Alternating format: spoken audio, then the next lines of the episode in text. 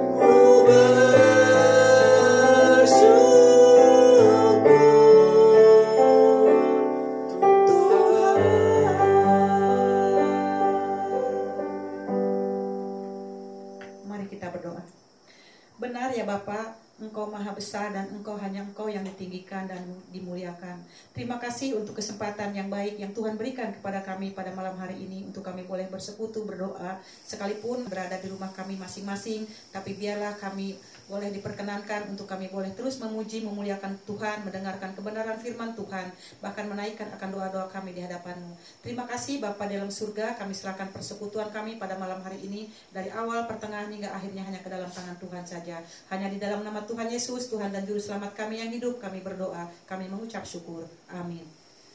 Kita akan menaikkan pokok-pokok doa kita, biarlah setiap doa-doa kita yang akan kita naikkan di hadapan Tuhan, biarlah Tuhan yang sempurnakan. Sebelumnya kita akan naikkan pujian kita, hatiku tenang berada dekatmu.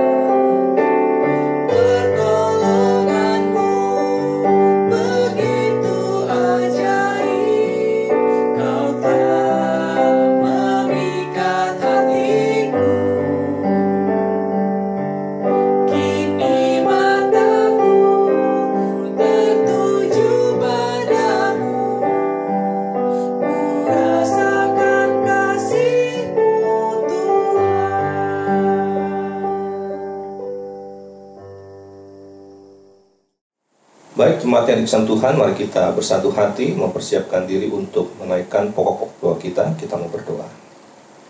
Bapa kami yang di dalam surga, kami bersyukur kalau pada hari ini kembali kami boleh diberikan kesempatan untuk menaikkan pokok doa kami kepada Tuhan. Kiranya Tuhan yang menolong kami agar dapat menyerahkan setiap pergumulan kami kepada Tuhan, karena kami percaya bahwa Tuhan lebih mengerti akan apa yang kami butuhkan dan Tuhan memiliki waktu dan kehendak terbaik untuk menjawab setiap doa yang telah kami naikkan kepada Tuhan. Terima kasih Bapa, dengar doa kami. Kami serahkan akan setiap diri kami, ampuni segala dosa, kesalahan pelanggaran kami, sehingga apa yang kami naikkan boleh sungguh berkenan pada Tuhan dan tidak menjadi sebuah kekejian ataukah untuk mementingkan diri kami sendiri. Terima kasih Bapa. Di dalam nama Tuhan Yesus, Tuhan dan Juru Selamat kami hidup, kami syukur dan kami berdoa. Amin. Yang pertama mari kita berdoa dalam situasi memerangi pandemi COVID-19 ini, kiranya Tuhan menjauhkan rencana oknum atau kelompok yang ingin bermanuver politik, mengkorupsi anggaran bantuan sosial, dan menimbulkan keresahan di tengah-tengah masyarakat. Mari kita berdoa untuk hal ini. Bapak kami surga Tuhan, kami menyerahkan untuk situasi bangsa negara kami ke dalam Tuhan. Di dalam situasi sedang memerangi akan pandemi COVID-19 ini, kami percaya Bapak uh, banyak pihak yang turut campur tangan untuk menolong bangsa ini, mengerjakan yang terbaik bagi bangsa ini untuk menyelesaikan makan masalah COVID-19 ini. Tapi kami juga tahu Bapak ada orang-orang atau kelompok-kelompok tertentu yang mungkin mencoba untuk memanfaatkan daripada situasi uh, pemerintah yang uh, sedang berkonsentrasi untuk menangani masalah pandemi COVID ini, mereka ingin melakukan hal-hal demi kepentingan pribadi dan kelompok mereka sendiri. Oleh karena itu biar Tuhan juga yang menggagalkan akan setiap uh, rencana-rencana uh, manuver-manuver politik yang ingin merugikan daripada Uh, kepentingan masyarakat luas maupun juga oknum-oknum yang mencoba untuk mengkorupsi daripada anggaran bantuan sosial yang seharusnya dapat digunakan untuk kesejahteraan masyarakat di tengah-tengah masa sulit ini. Biar Tuhan yang tolong semua pihak yang bertanggung jawab untuk menindaknya dapat memiliki kewaspadaan dan juga kerja yang baik sehingga semua hal yang kami khawatirkan ini boleh teratasi dan dapat memberikan kebaikan bagi masyarakat. Demikian juga dengan pihak-pihak yang ingin menimbulkan keresahan tengah-tengah masyarakat. Kiranya Tuhan juga yang halau dan bangsa ini boleh berhasil dengan aman, sentosa menyelesaikan masalah pandemi COVID-19 ini. Terima kasih Bapak dengan doa kami. Di dalam nama Tuhan Yesus, Tuhan dan Juru Selamat kami hidup, kami syukur dan kami berdoa. Amin. Kita juga mau berdoa agar para pedagang dan pembeli di pasar memperhatikan protokol kesehatan sehingga tidak menjadi tempat penyebaran COVID-19, demikian juga tempat wisata menjelang libur sekolah dan pelonggaran PSBB. Mari kita berdoa untuk hal ini.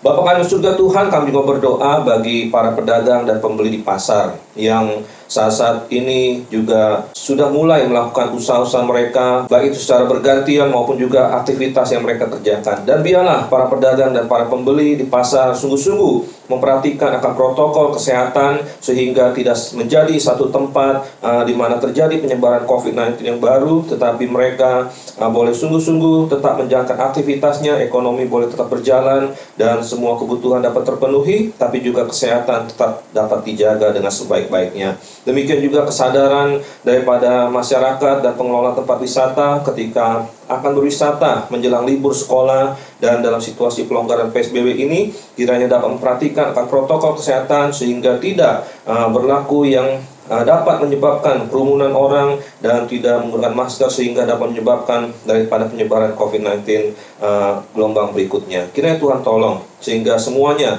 boleh berjalan dengan baik dan juga tetap dalam keadaan sehat. Terima kasih Bapak dengar doa kami. Dalam nama Tuhan Yesus kami syukur dan kami berdoa. Amin. Yang berikutnya mari kita juga berdoa untuk kesehatan jasmani, jiwani, dan rohani jemaat sekalian. Mari kita buka suara untuk hal ini. Bapak kami surga Tuhan, kami juga terus mau berdoa menyerahkan setiap jemaat Tuhan ke dalam tangan Engkau.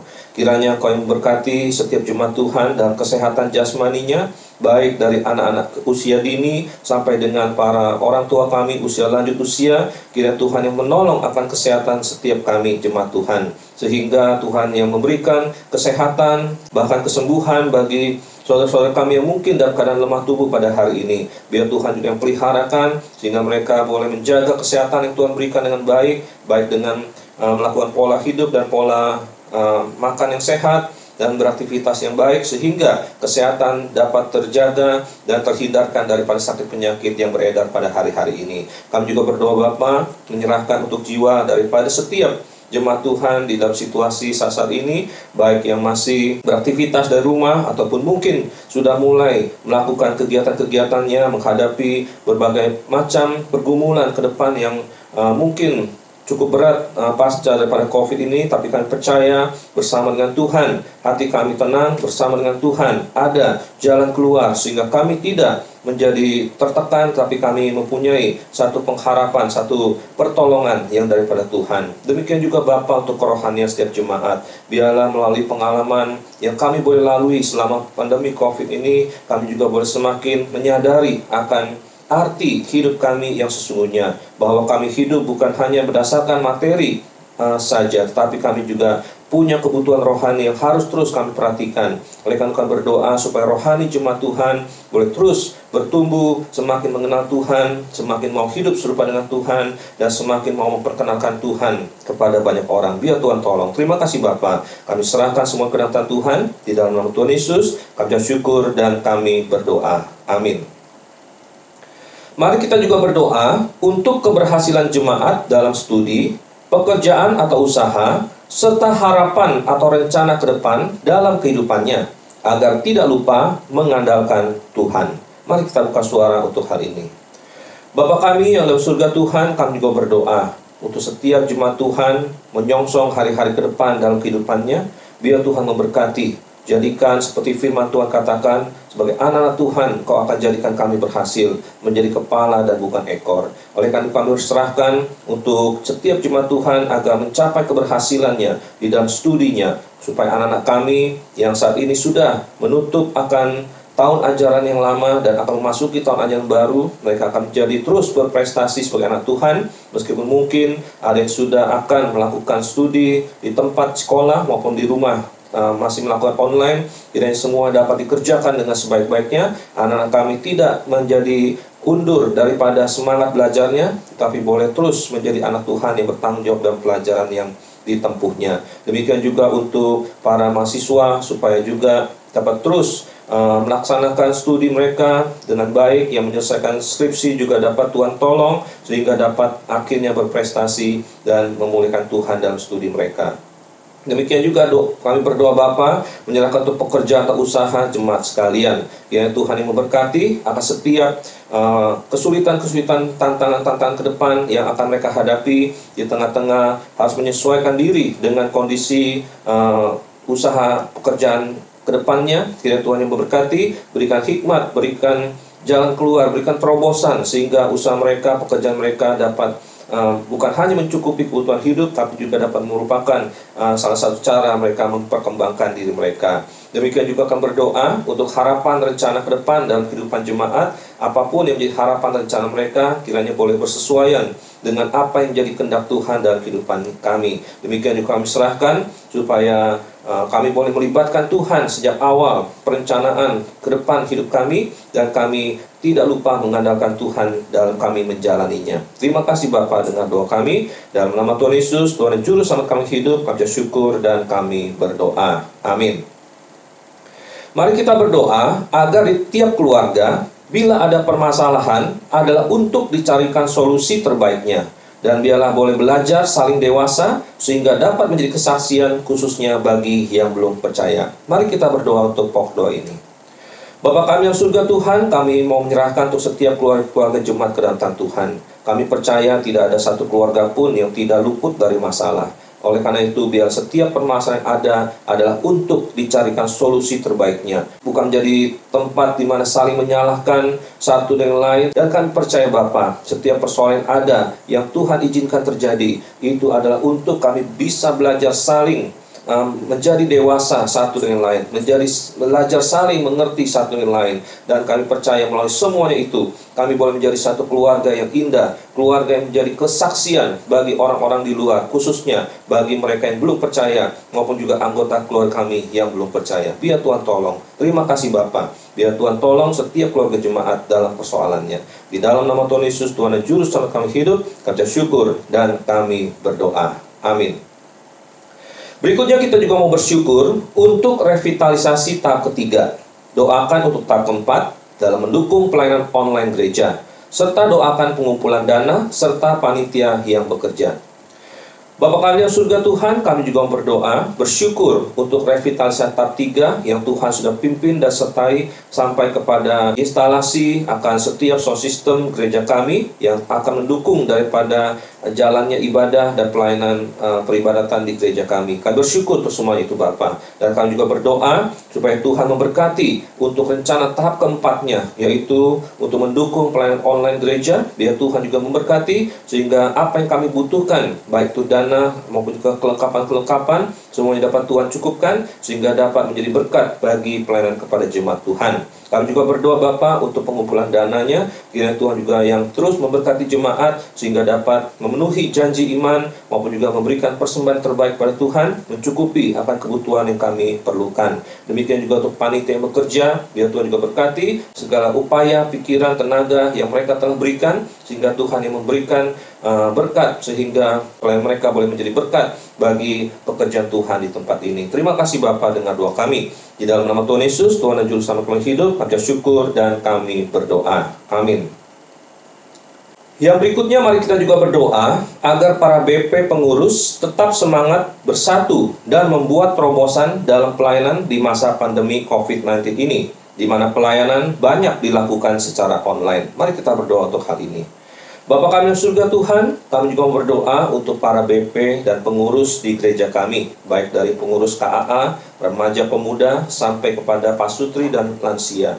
Kiranya Tuhan memberkati. Di tengah-tengah situasi pelayanan di masa pandemi COVID-19 ini, kami boleh tetap semangat, kami tidak menjadi lesu, tapi kami tetap bersatu. Dan kami tetap membuat terobosan-terobosan dalam pelayanan ke depannya khususnya Bapak ketika kami banyak melakukan pelayanan secara online biarlah itu juga tetap kami pikirkan, dapat kami persiapkan dengan sebaik-baiknya dan dapat menjawab akan kebutuhan setiap jemaat Tuhan sehingga tidak ada satupun yang terabaikan dalam pelayanan ini. Terima kasih Bapak. Kami doakan supaya setiap BP pengurus juga Tuhan berkati dalam kehidupannya, dalam kerohaniannya, dalam pekerjaan studi mereka, dalam keluarga, dan rencana-rencana hidup ke depan mereka. Terima kasih Bapak dengan doa kami. Di dalam nama Tuhan Yesus, Tuhan yang Juru Selamat kami hidup, kami syukur dan kami berdoa. Amin. Berikutnya kita mari berdoa untuk komsel, persekutuan, dan kebaktian umum at home di hari Kamis sampai hari Minggu tanggal 18 dan 21 sampai 21 Juni 2020 dan kita doakan juga untuk peringatan Hari Ayah supaya setiap kegiatan ini dapat berjalan dengan baik menjadi kemuliaan bagi nama Tuhan dan juga menjadi berkat bagi setiap jemaat maupun juga orang-orang yang mengikutinya. Mari kita buka suara untuk hal ini. Bapak kami surga Tuhan, kami juga berdoa untuk pelaksanaan komsel daripada pemuda yang akan dilaksanakan pada hari Kamis tanggal 18 Juni ke dalam Tuhan kiranya para anggota pemuda yang uh, terlibat di dalamnya boleh mengikutinya dan boleh bertumbuh bersama-sama, boleh saling menguatkan, belajar firman Tuhan dan juga boleh bertumbuh di dalam Tuhan. Demikian juga Bapak untuk persekutuan remaja pemuda pada hari Kamis eh, pada hari Sabtu ke dalam Tuhan kami juga serahkan di mana para pemuda remaja juga akan kembali menghayati bagaimana akan hubungan persekutuan mereka dengan ayah khususnya kiranya dapat menjadi berkat sehingga mereka boleh menjadi anak Tuhan yang tahu menghormati orang tua dan diberkati kehidupan ke depannya. Demikian juga akan berdoa menyerahkan untuk kebaktian umum at home pada hari Minggu nanti uh, kiranya Tuhan juga berkati baik pelayan-pelayanmu maupun juga hamba-hamba Tuhan yang akan menyampaikan firman Tuhan dan juga setiap jemaat Tuhan dapat mengikutinya meskipun di rumah masing-masing menggunakan YouTube tapi kami percaya hadirat Tuhan boleh uh, menjadi sukacita bagi setiap jemaat Tuhan yang mengikuti ibadah tersebut. Terima kasih Bapak. Peringatan Hari Ayah pada hari Minggu biarlah juga boleh satu momen para ayah kembali diingatkan akan peran mereka di dalam kehidupan keluarga uh, supaya boleh menjadi imam dalam keluarga dan boleh menjadi teladan yang baik kepada anak-anaknya. Biar Tuhan tolong. Terima kasih Bapak dengan doa kami di dalam nama Tuhan Yesus, Tuhan yang juru selamat kami hidup, kami syukur dan kami berdoa. Amin. Mari kita berdoa untuk sekolah Alkitab liburan Komisi Anak-anak Geseto Bandara at home yang akan dilaksanakan pada hari Minggu sampai Senin tanggal 28-29 Juni 2020 pukul 10 pagi menggunakan via Skype dengan tema tetap setia. Kita doakan supaya anak-anak kita boleh mengikutinya dan boleh menjadi anak-anak Tuhan yang tetap setia kepada Tuhan. Mari kita buka suara untuk hal ini. Bapak kami surga Tuhan, kami juga rindu menyerahkan untuk sekolah Alkitab liburan anak-anak yang akan dilaksanakan hari Minggu sampai Senin 28-29 Juni ke Tuhan. Yang Tuhan berkati anak-anak kami supaya meskipun mereka uh, mengikutinya dari rumah menggunakan Skype, tapi boleh belajar firman Tuhan, boleh bersekutu bersama-sama, dan boleh belajar bagaimana menjadi anak Tuhan yang tetap setia, khususnya menjalani hidup sebagai anak Tuhan di masa-masa ke depan pasca COVID-19 ini. Kami berdoa supaya mereka boleh diberikan kesehatan, boleh diberikan sukacita, sehingga dapat semua anak-anak sekolah kami mengikutinya dan juga boleh mengajak teman-teman yang lain untuk boleh ikut serta di dalam sekolah Alkitab liburan ini. Berkati para guru-guru yang akan melayani supaya juga dipersiapkan akan segala sesuatunya sehingga dapat menjadi berkat bagi setiap anak Tuhan uh, yang akan mengikutinya. Terima kasih Bapak dengan doa kami. Di dalam nama Tuhan Yesus kami syukur dan kami berdoa. Amin. Baik, saya memberikan kesempatan bagi Bapak Ibu Saudara sekalian untuk menaikkan doa pribadi di hadapan Tuhan. Setelah selesai, saya persilakan untuk bangkit berdiri. Silakan berdoa.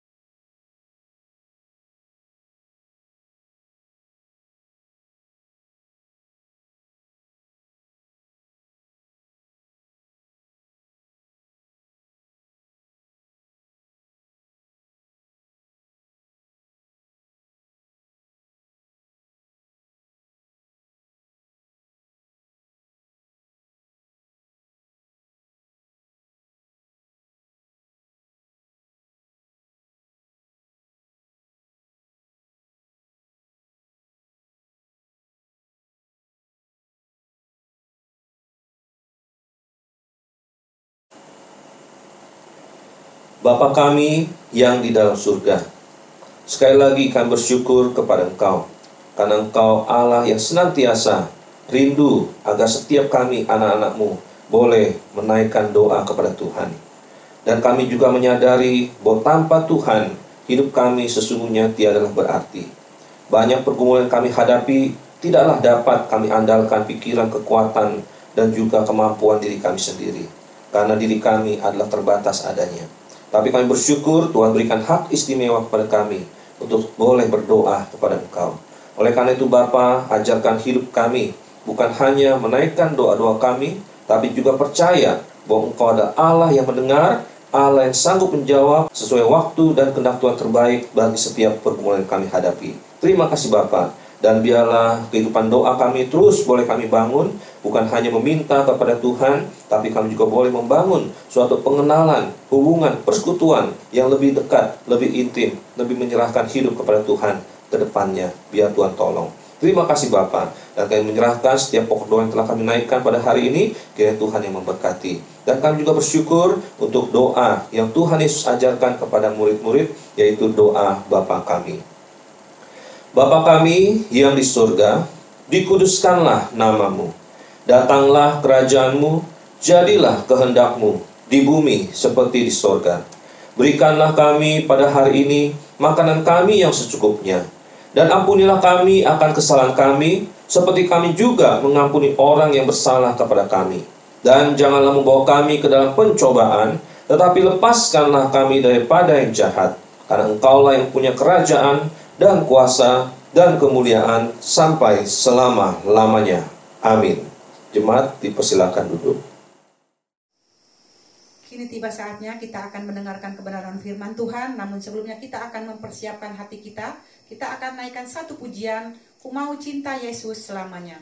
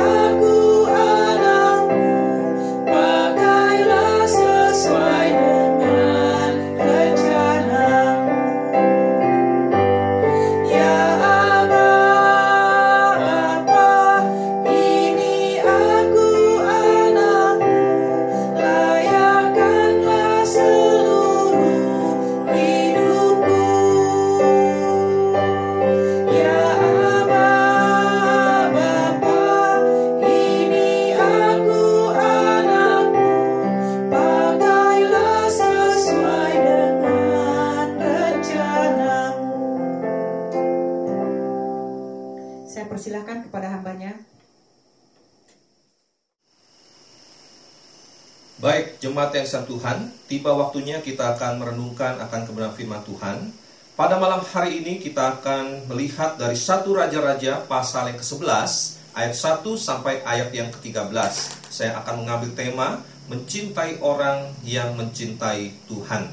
Satu Raja-Raja pasal 11 ayat 1 sampai 13. Saya akan membacakan buat kita sekalian, Bapak Ibu Saudara dapat mengikutinya di rumah masing-masing. Demikian firman Tuhan. Adapun Raja Salomo mencintai banyak perempuan asing. Di samping anak Firaun, ia mencintai perempuan-perempuan Moab, Amon, Edom, Sidon, dan Het.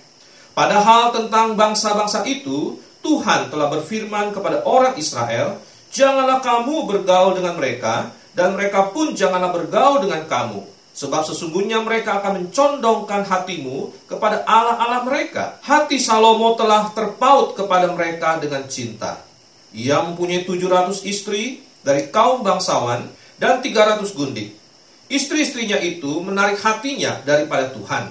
Sebab pada waktu Salomo sudah tua, istri-istrinya itu mencondongkan hatinya kepada Allah-Allah lain, sehingga ia tidak dengan sepenuh hati berpaut kepada Tuhan Allahnya seperti Daud ayahnya.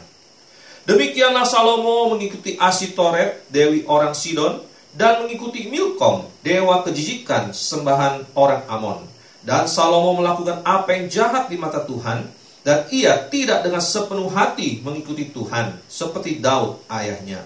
Pada waktu itu Salomo mendirikan bukit pengorbanan bagi Kamos, dewa kejijikan sesembahan orang Moab, di gunung di sebelah timur Yerusalem, dan bagi Molok, dewa kejijikan sembahan Bani Amon. Demikian juga dilakukannya bagi semua istrinya, orang-orang asing itu, yang mempersembahkan korban ukupan dan korban sembelihan kepada Allah-Allah mereka. Sebab itu Tuhan menunjukkan murkanya kepada Salomo, sebab hatinya telah menyimpang daripada Tuhan Allah Israel yang telah dua kali menampakkan diri kepadanya. Dan yang telah memerintahkan kepadanya dalam hal ini supaya jangan mengikuti Allah-Allah lain. Akan tetapi ia tidak berpegang pada yang diperintahkan Tuhan. Lalu berfirmanlah Tuhan kepada Salomo oleh karena begitu kelakuanmu yakni engkau tidak berpegang pada perjanjian dan segala ketetapanku yang telah kuperintahkan kepadamu maka sesungguhnya aku akan mengoyakkan kerajaan itu daripadamu dan akan memberikannya kepada hambamu. Hanya pada waktu hidupmu ini aku belum mau melakukannya oleh karena Daud ayahmu. Dari tangan anakmu lah aku akan mengoyakkannya. Namun demikian kerajaan itu tidak seluruhnya akan kukoyakan daripadanya. Satu suku akan kuberikan kepada anakmu oleh karena hambaku Daud dan oleh karena Yerusalem yang telah kupilih. Demikian pembacaan firman Tuhan. Berbagi setiap orang yang membaca, merenungkan, melakukan, serta membagikan firman Tuhan dalam hidupnya hari lepas hari. Amin. Mari kita sekali lagi minta pimpinan Tuhan, kita mau berdoa.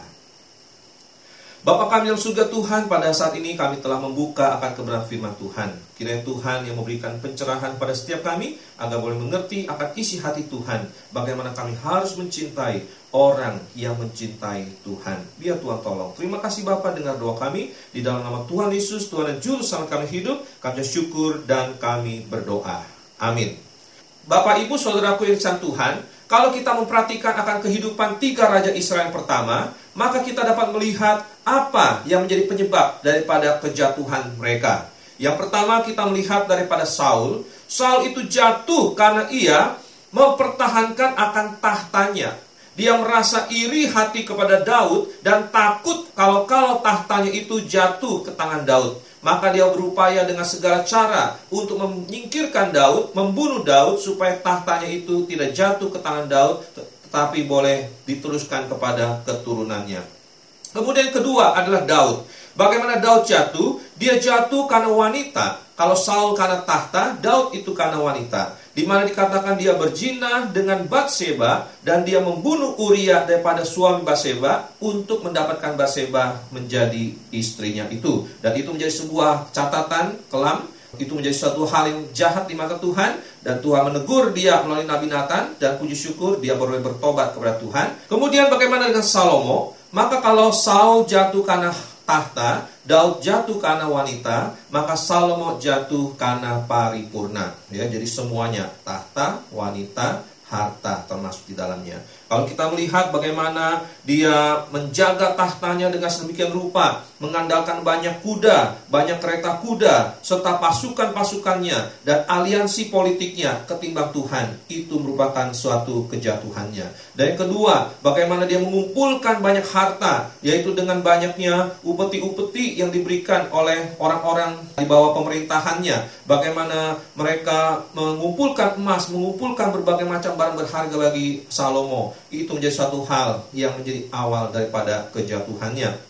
Dan juga uh, bagaimana ketika dia berlayar ke negeri yang jauh, mengambil banyak sumber daya alam, uh, emas dikumpulkan, itu menjadi sebuah sumber kejatuhan dari segi harta. Dan kemudian berikutnya adalah yang kita sudah baca perikopnya hari ini adalah tentang wanita. Dia jatuh dari uh, hal wanita Bahkan ayat 1 dikatakan di situ Raja Salomo mencintai banyak perempuan asing. Jadi bukan hanya satu, tetapi dia mencintai banyak perempuan asing. Yaitu selain anak Firaun, dia juga mencintai perempuan-perempuan Moab, Amon, Edom, Sidon, dan Het. Bahkan dikatakan ayat 3a, bahwa dia mempunyai 700 istri dari kaum bangsawan dan 300 gundik, 1000 orang menjadi pasangan hidupnya. Nah, saudara Tuhan, Pertanyaannya di sini adalah, bukankah beberapa tokoh Alkitab sebelum Salomo juga beristri lebih dari satu?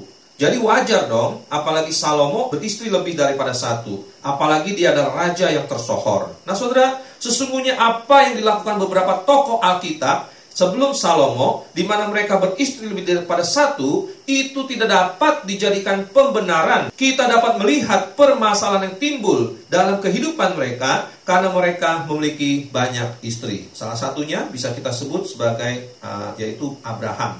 Bagaimana kita melihat ketika dia akhirnya mengambil Hagar sebagai uh, istrinya, maka terjadi sebuah perseteruan keluarga dari zaman dulu sampai zaman sekarang yang tidak pernah berkesudahan di timur tengah sana. Nah, soalnya Tuhan, meski tidak separah Salomo seperti yang LAI berikan judul perikop kita pada hari ini yaitu Salomo jatuh ke dalam penyembahan berhala yang disebabkan oleh para istri asingnya itu menarik hatinya daripada Tuhan. Nah, seorang Tuhan, seharusnya jikalau mereka tidak mengambil perempuan asing, maka dapat lebih efektif dipakai oleh Tuhan bagi kemuliaan Tuhan. Sebut saja yaitu Simpson. Kita melihat bagaimana ketika dia diangkat menjadi hakim bagi orang Israel, maka dia mempunyai kesenangan untuk menikahi perempuan asing, ya, yaitu perempuan di uh, beberapa tempat di Filistin dia mengambil sebagai istri, ya. Uh, kemudian yang terakhir adalah Delila yang menyebabkan daripada ke uh, jatuhan Simpson, rambutnya dipotong, kekuatannya hilang, lalu dia mata dicungkil dan akhirnya dia uh, mati bersama dengan orang-orang Filistin dengan merubuhkan tempat di mana orang Filistin berkumpul. Meskipun demikian, ya, dia membunuh banyak orang Filistin.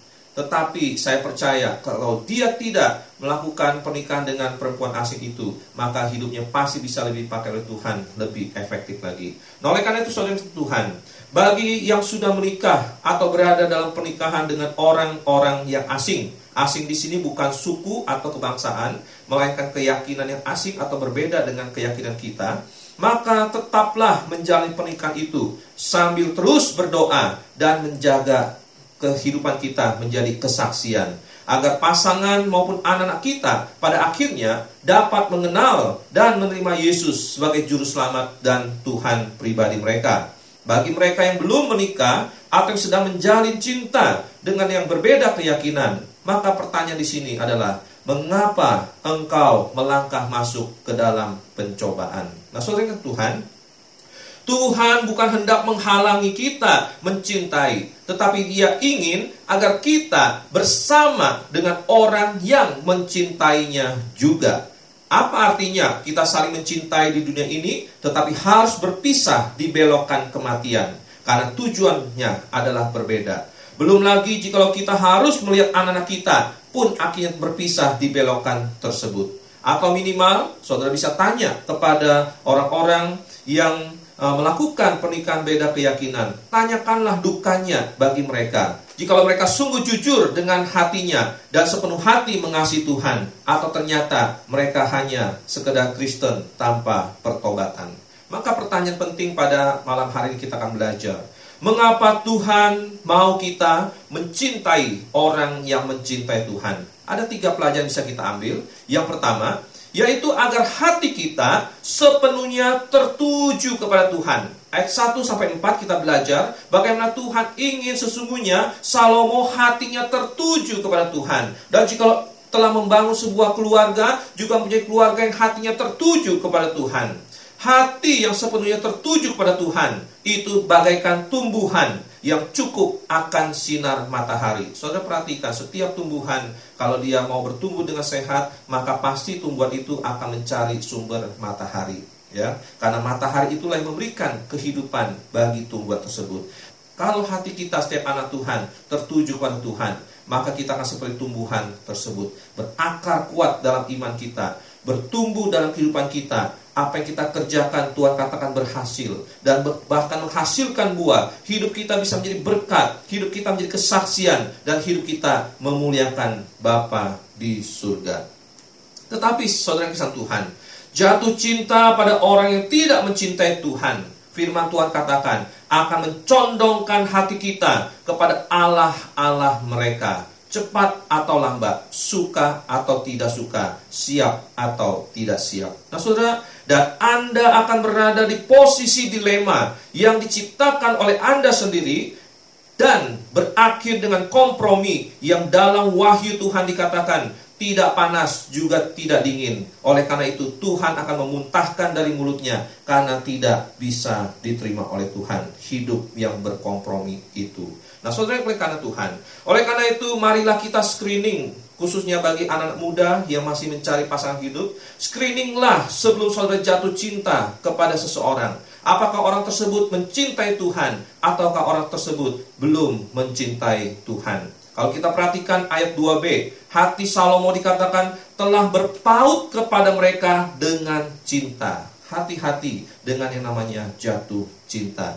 Sebab ketika cinta sudah menjerat seseorang, maka dia bagaikan ikan yang sudah tersangkut kail ataupun kerbau yang dicocok hidungnya. Maka dia akan dibawa kepada yang dimaui oleh orang yang dicintainya, bukan yang dimaui oleh Tuhan. Tapi kalau orang yang hatinya berpaut pada Tuhan, maka dia akan hidup seperti apa yang dimaui oleh Tuhan.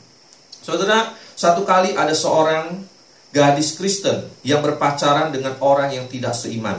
Lalu satu kali si cowok ini mengembalikan kepada si gadis itu sebuah kaos yang di mana kaos itu ternyata ada sebuah tulisan yaitu Alkitab Yohanes 3 ayat 16. Karena begitu besar kasih Allah akan dunia ini, maka ia telah mengaruniakan anaknya yang tunggal, supaya setiap orang yang percaya padanya tidak binasa, melainkan beroleh hidup yang kekal. Nah saudara, si cowok ini mengembalikan kaos tersebut kepada si gadis ini karena apa? Karena si cowok ini tidak nyaman dengan tulisan yang ada di dalam uh, kaos itu. Ya, dia berkata ini lebih cocok kamu yang pakai karena sesuai dengan imanmu, tidak sesuai dengan imanku. Karena si cowok ini berbeda keyakinan dengan si gadis ini. Nah, saudara, maka ketika si gadis ini mendapatkan uh, perlakuan demikian, dia disadarkan oleh Tuhan bahwa dengan siapa sesungguhnya dia yang telah dicintai Tuhan, tapi mencintai orang yang tidak mencintai Tuhan. Nah, saudara, maka kemudian ia memutuskan untuk memutuskan hubungannya dengan si cowok tersebut dan berprinsip untuk tidak jatuh cinta lagi dengan cowok atau pasangan yang tidak mencintai Yesus, apalagi yang tidak mengenal Yesus sama sekali. Dan dia akhirnya menikmati akan masa lajang yang indah bersama dengan Allah. Saudara, pertumbuhan rohani kita hanya akan terjadi jikalau kita itu taat. Berpacaran dengan lawan jenis yang berbeda iman, itu takkan membuat kita bertumbuh dan berakar di dalam Tuhan. Maka yang kita perlukan adalah sebuah hubungan yang mengarahkan kita kepada Yesus dan menolong kita untuk bersama-sama hidup bagi Dia dengan segenap hatinya, jiwanya, dan uh, akal budinya. Dan percaya bahwa Tuhan menyediakan pasangan hidup yang juga mencintai Tuhan di masa yang akan datang. Soalnya Tuhan, demikian juga Tuhan Yesus pernah berkata, bahwa tak seorang pun dapat mengabdi kepada dua tuan. Karena jika demikian, ia akan membenci seseorang dan mengasihi yang lain, atau ia akan setia pada yang seorang dan tidak mengindahkan yang lain. kamu tidak dapat mengabdi kepada Allah dan kepada mamon. Artinya apa saudara? Artinya kita tidak bisa berdiri di dua perahu. Kita tidak bisa melayani dua keyakinan. Tak seorang pun dapat mengabdi kepada dua Tuhan. Karena itu Yesus berkata, janganlah kamu khawatir. Apa yang menyebabkan engkau memilih pasangan yang tidak seiman? Apakah engkau takut engkau tidak mendapatkan pasangan hidup ke depannya? Firman Tuhan katakan jangan kamu khawatir. Karena Tuhan tahu yang terlebih baik bagi engkau dan dia sudah menyediakan pasangan hidup bagimu. Tidak perlu engkau mencari yang tidak seiman. Yang kedua, kita belajar pada malam hari ini, mengapa kita perlu mencintai orang yang mencintai Tuhan? Sebab jikalau tidak, maka apa yang kita lakukan itu jahat di mata Tuhan. Sekali lagi, Ketika kita tidak mencintai orang yang mencintai Tuhan, maka kita apa yang dilakukan itu adalah jahat di mata Tuhan. Kalau kita perhatikan di ayat 6, Tuhan mempermasalahkan Salomo yang tidak sepenuh hati mengikutinya. Coba kita perhatikan ayat 4, di situ dikatakan yang berpaut kepadanya, ya tidak sepenuh hati berpaut kepada Tuhan. Dan semua perlakuan Salomo itu di mata Tuhan adalah jahat, ya. Saudara, seperti apa pun Anda mencoba menjelaskan perbuatan itu, tetaplah jahat di mata Tuhan. Bahkan akan terasa lebih jahat ketika saudara menjelaskan perbuatan jahat tersebut. Coba tanyakan pada dirimu sendiri, apa alasannya sehingga engkau melakukan hal yang jahat di mata Tuhan yang mengasihi dan mencintaimu? Saudara, tanyakan hal itu sejujurnya pada diri kita. Dan biasanya tarikan untuk berbuat kejahatan itu lebih besar daripada untuk berbuat kebaikan. Apalagi kalau kita lihat dalam kehidupan Salomo, dia beristri banyak, bisa Anda bayangkan jika ia hanya mengikuti atau mendirikan bukit pengorbanan dan membakar ukupan dan korban sesembelihan hanya bagi salah satu Allah istrinya itu, maka tentu dia akan mendapatkan penolakan ya, mendapatkan masalah daripada 999 istri lainnya ya. Nah, Saudara, bandingkan ayat 8 dikatakan demikian juga dilakukannya bagi semua istrinya orang-orang asing itu. Berarti dia melakukan bagi semua uh, ilah-ilah istrinya itu. Dan ketika Salomo melakukan kepada Allah-Allah para istri asingnya itu, masihkah Salomo dapat berkata kepada Tuhan ketika dia menyembah pada Tuhan, "Ya Tuhan yang kucintai." Masihkah bisa dia mengatakan, "Ya Tuhan yang kucintai"? Nah, Saudara, kalau dia masih melakukan bisa melakukannya tanpa ada suara hati yang menggelisahkannya, maka itu berarti dia telah mencapai titik kematian rohani. Jika kita melayani daripada ilah-ilah lain selain Tuhan dan kita masih bisa berkata, "Ya Tuhan yang kucintai", maka itu menunjukkan kita sedang berada di titik kematian rohani. Atau mungkin kita hidup dalam kemunafikan yang merupakan kekejian di hadapan Tuhan. Oleh karena itu, masihkah ia dapat waktu bersekutu dengan Tuhan dalam kehidupannya? Sedangkan untuk mengunjungi salah satu istrinya saja, itu dia harus menunggu giliran.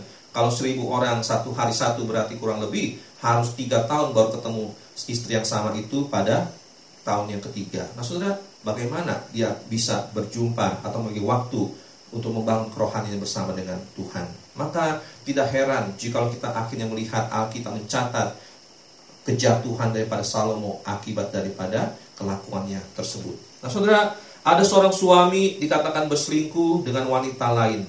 Dan parahnya ia mengajak selingkuhannya itu tinggal di rumah bersama dengan istrinya.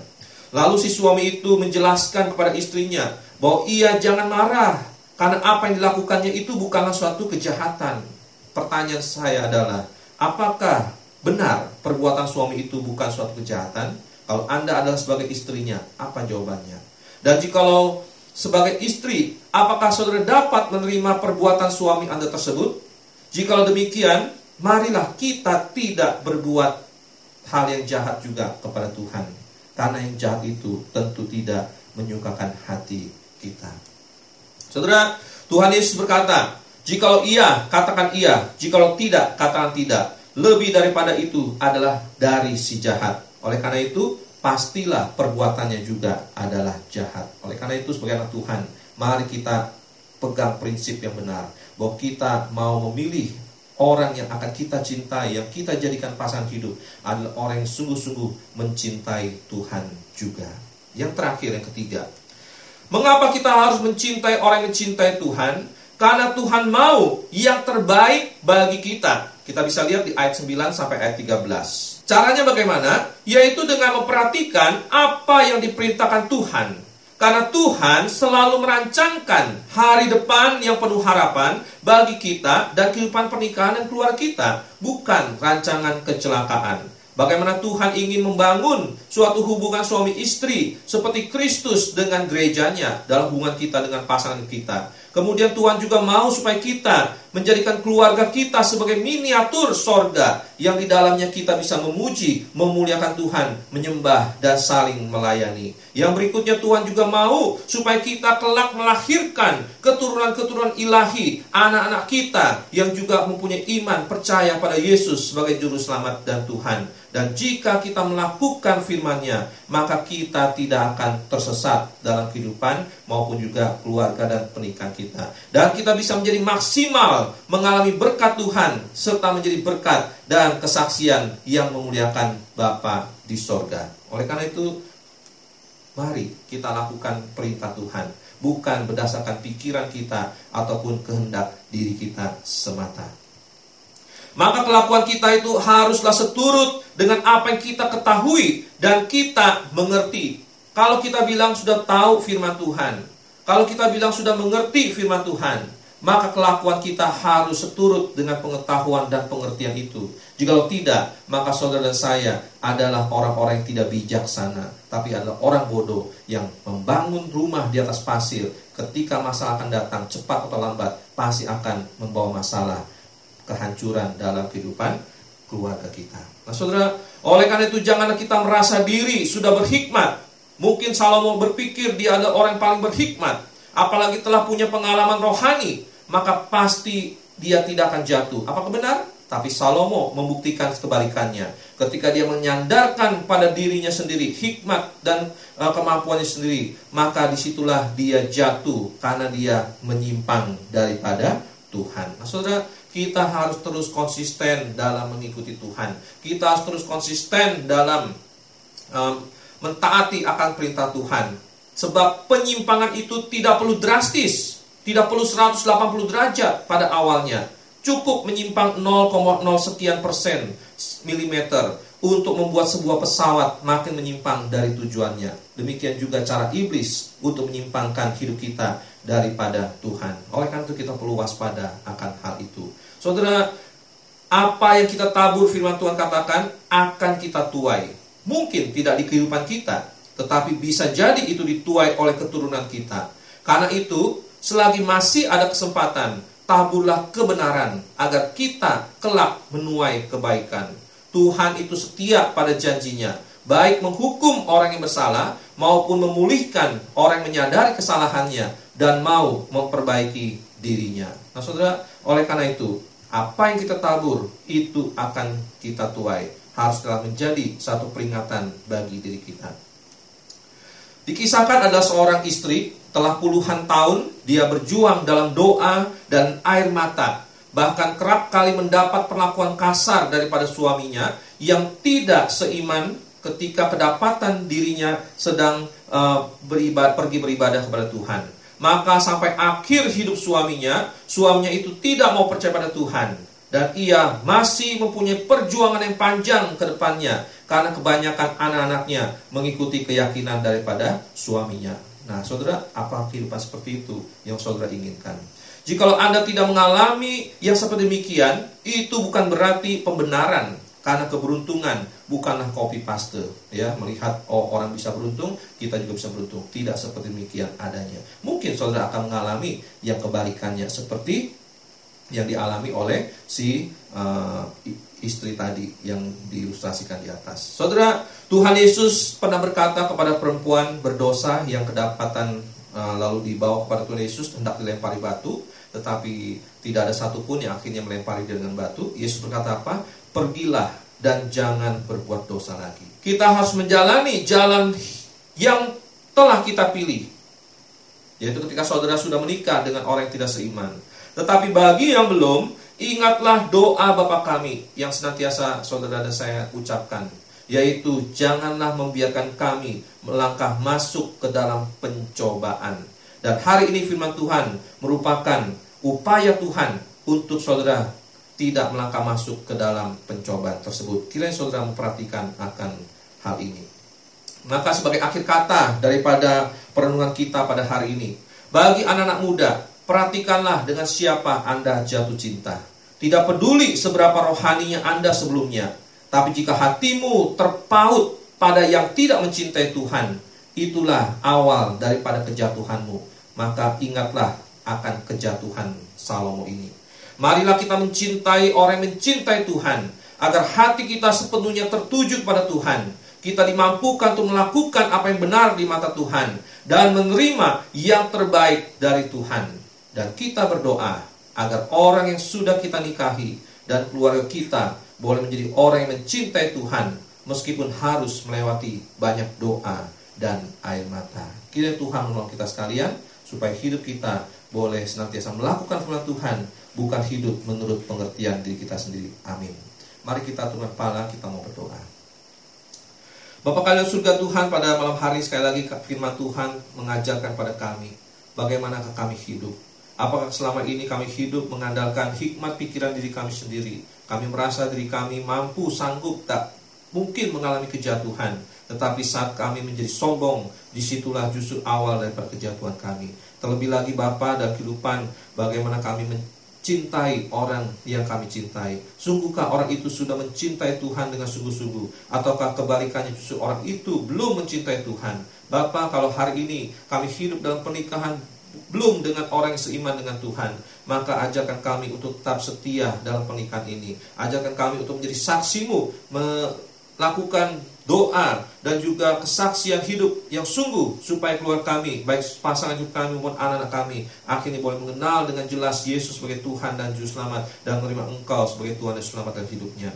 Tapi jikalau kami masih muda adalah anak-anak muda yang sedang mencari pasangan hidup kami, maka jangan biarkan kekhawatiran ataupun apa pun pandangan-pandangan dunia ini membuat kami akhirnya memilih dengan orang yang tidak seiman. Karena kami percaya ketika kami melakukannya seperti yang dilakukan Salomo, hal itu adalah jahat di mana Tuhan. Pada Tuhan tidak pernah melakukan suatu kejahatan pun bagi kami. Ajarkan kami percaya bahwa Tuhan telah menyediakan terbaik bagi kami. Ketika kami sudah siap waktunya, Tuhan akan memberikan yang terbaik bagi kami. Biar Tuhan tolong. Terima kasih Bapak. Biarlah melalui mencintai orang yang mencintai Tuhan, kami akan semakin mencintai Tuhan dalam kehidupan pribadi, pernikahan, dan keluarga kami. Dialah Tuhan tolong. Terima kasih Bapak dengan doa kami. Di dalam nama Tuhan Yesus, Tuhan dan Juru Selamat kami hidup. Kami syukur dan kami berdoa. Amin. Baik, jemaat yang sama Tuhan, kita bersyukur pada Tuhan yang telah memberkati kebaktian doa kita pada malam hari ini. Kiranya setiap pujian dan doa yang telah kita naikkan pada Tuhan boleh sungguh berkenan pada dia dan biarlah firman Tuhan yang kita dengarkan boleh sungguh memberkati kita sekalian. Demikian juga kita mengucapkan terima kasih kepada setiap saudara-saudara kita yang sudah melayani Tuhan pada kesempatan hari ini. Ada beberapa pengumuman yang ingin saya sampaikan. Yang pertama yaitu mengingatkan kepada rekan-rekan pemuda yaitu yang kuliah dan kerja bahwa besok Kamis tanggal 18 Juni 2020 pukul 7 malam akan diadakan komsel bagi para pemuda. Kiranya dapat mengikutinya via Skype dan mengingatkan satu dengan lainnya supaya bisa mengikuti akan komsel tersebut. Demikian juga pada hari Sabtu tanggal 20 Juni 2020 pukul 7 malam akan dilaksanakan persekutuan remaja dan pemuda via Skype juga dengan memperingati akan Hari Ayah. Kiranya para pemuda remaja dapat mengikuti akan persekutuan remaja pemuda dengan uh, penuh antusias dan sukacita. Dan pada hari Minggunya, tanggal 21 Juni 2020, yaitu dengan via YouTube, kita akan mengadakan kebaktian umum at home dengan tema kebapaan seorang ayah dengan pelayan firman Tuhan Pendeta Van Munhau, liturgis Saudari Isabella dan Saudara Lisa, dan juga akan diadakan perayaan Hari Ayah. Kiranya jemaat sekalian dapat mengikutinya di rumah masing-masing. Dan juga ada kebaktian anak-anak yang memperingati hari, hari Ayah juga yang dilaksanakan di rumah masing-masing dengan guru bercerita adalah Evangelis Meli dan juga liturgis Saudari Cia-Cia. Kiranya semua dapat mengikuti akan kebaktian umum maupun juga kebaktian uh, anak-anak tersebut. Demikian juga pada hari Minggu sampai Senin 28-29 Juni 2020 via Skype akan diadakan Sekolah Alkitab Liburan KAA bagi anak-anak sekolah minggu. Oleh karena itu kiranya para orang tua dapat menggerakkan anak-anaknya mengikuti akan sekolah Alkitab liburan tersebut sehingga liburan uh, sekolah boleh diisi dengan hal-hal yang bermanfaat dan berguna bagi kerohanian anak-anak kita. Baik, itu saja pengumuman kita pada hari ini. Mari kita bangkit diri sama-sama. Kita akan menaikkan doa penutup kita. Setelah itu kita akan menaikkan pujian Bapa terima kasih. Bapak kami yang surga terima kasih untuk kesempatan hari ini kami boleh bersama-sama mengikuti kebaktian doa dari awal sampai akhir kami percaya Tuhan memberkati baik setiap pujian, firman maupun juga setiap doa yang telah kami naikkan pada Tuhan. Biar Tuhan terus memberkati kami di tengah-tengah apa pun situasi kondisi yang kami hadapi, kami tidak pernah menjauhkan diri daripada Engkau dan kami selalu bertekun di dalam doa dan firman di dalam Tuhan. Biar Tuhan tolong. Terima kasih Bapak. Kami serahkan untuk uh, ibadah-ibadah kami berikutnya ke dalam Tuhan. Biar Tuhan juga terus memberkati dan semakin menjadi berkat bagi setiap jemaat Tuhan dan orang-orang yang mengikuti akan ibadah ini. Terima kasih Bapak. Kami serahkan hidup kami ke depan ke dalam Tuhan. Biar Tuhan yang memberkati dan Tuhan yang menjadikan kami sebagai anak Tuhan yang senantiasa bersandar berseru berharap hanya kepada Tuhan saja. Terima kasih Bapak. Dengar doa kami hanya di dalam nama Tuhan Yesus Tuhan yang juru selamat kami hidup. Kami syukur dan kami berdoa. Bapak terima kasih. Bapa terima kasih. Bapa